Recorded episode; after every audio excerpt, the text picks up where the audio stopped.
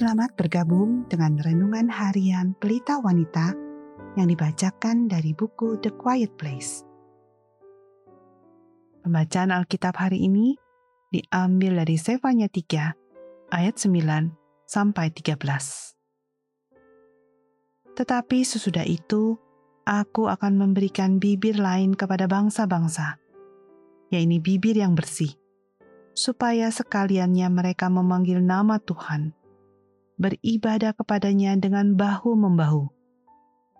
Dari seberang sungai-sungai negeri Ethiopia, orang-orang yang memuja aku, yang terserak-serak, akan membawa persembahan kepadaku pada hari itu, engkau tidak akan mendapat malu karena segala perbuatan durhaka yang kau lakukan terhadap aku.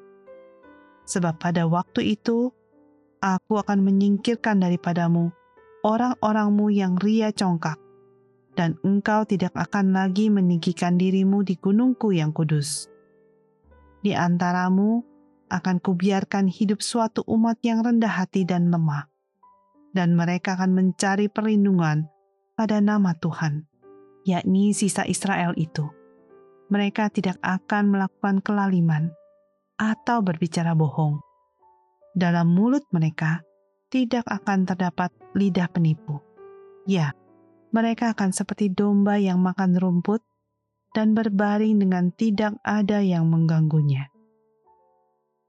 Ayat kunci hari ini adalah dari Zefanya 3 ayat 12 di antaramu akan kubiarkan hidup suatu umat yang rendah hati dan lemah, dan mereka akan mencari perlindungan pada nama Tuhan. Jalan kelemah lembutan. Jika Anda tinggal di area di mana angin puting beliung sering melanda, Anda tahu betapa besar kerusakan yang disebabkannya. Banyak dahan pohon yang patah sampah-sampah, dan puing-puing bangunan berserakan. Anda tahu betapa banyak kekacauan yang telah terjadi yang harus dibereskan kemudian. Tetapi bukanlah kita terkadang melakukan hal yang sama, melanda dengan dahsyat keluarga, tempat kerja kita, dan dalam interaksi kita dengan orang lain. Dengan balasan email singkat namun tajam, kata-kata penuh kritik, dan dengan reaksi kita yang cepat parah, kita dapat merusak hubungan. Dengan bermulut besar, mengendalikan orang lain, dan bersifat negatif terhadap mereka, kita menyebabkan tumpukan sampah emosi dan sisa-sisa kehancuran relasi kita dengan orang lain, dan mengharapkan orang lain untuk membereskan kekacauan itu.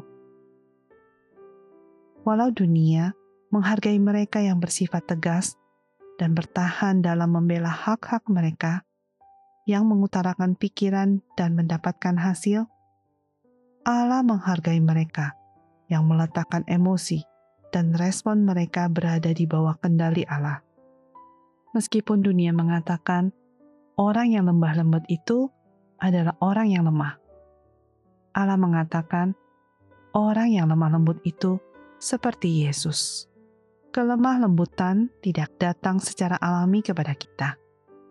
Itu adalah anugerah, sesuatu yang tidak dapat kita harapkan tanpa bantuan Allah. Itu adalah buah manis dari percaya kepada Tuhan dan mengizinkan Dia untuk menjalani hidupnya dan memupuk roh rendah hati dan kelembutan di dalam dan melalui kita. Dan meskipun dengan kelemah lembutan, mungkin menyebabkan kita harus melepas hak-hak kita. Kitab suci meyakinkan bahwa itu juga menghasilkan kesejahteraan yang berlimpah-limpah. Mazmur 37 ayat 11. Tambah bersuka cita dan kesempatan untuk memiliki bumi. Memiliki semua yang benar-benar penting dalam hidup. Walaupun itu berarti tidak memiliki semua yang benar-benar kita inginkan saat ini. Sebagai penutup, mari kita renungkan pertanyaan ini. bagaimanakah orang lain menggambarkan situasi apa yang Anda tinggalkan? Apa yang akan dikatakan pasangan Anda, anak-anak Anda, rekan kerja Anda? Dampak seperti apakah yang ingin Anda miliki?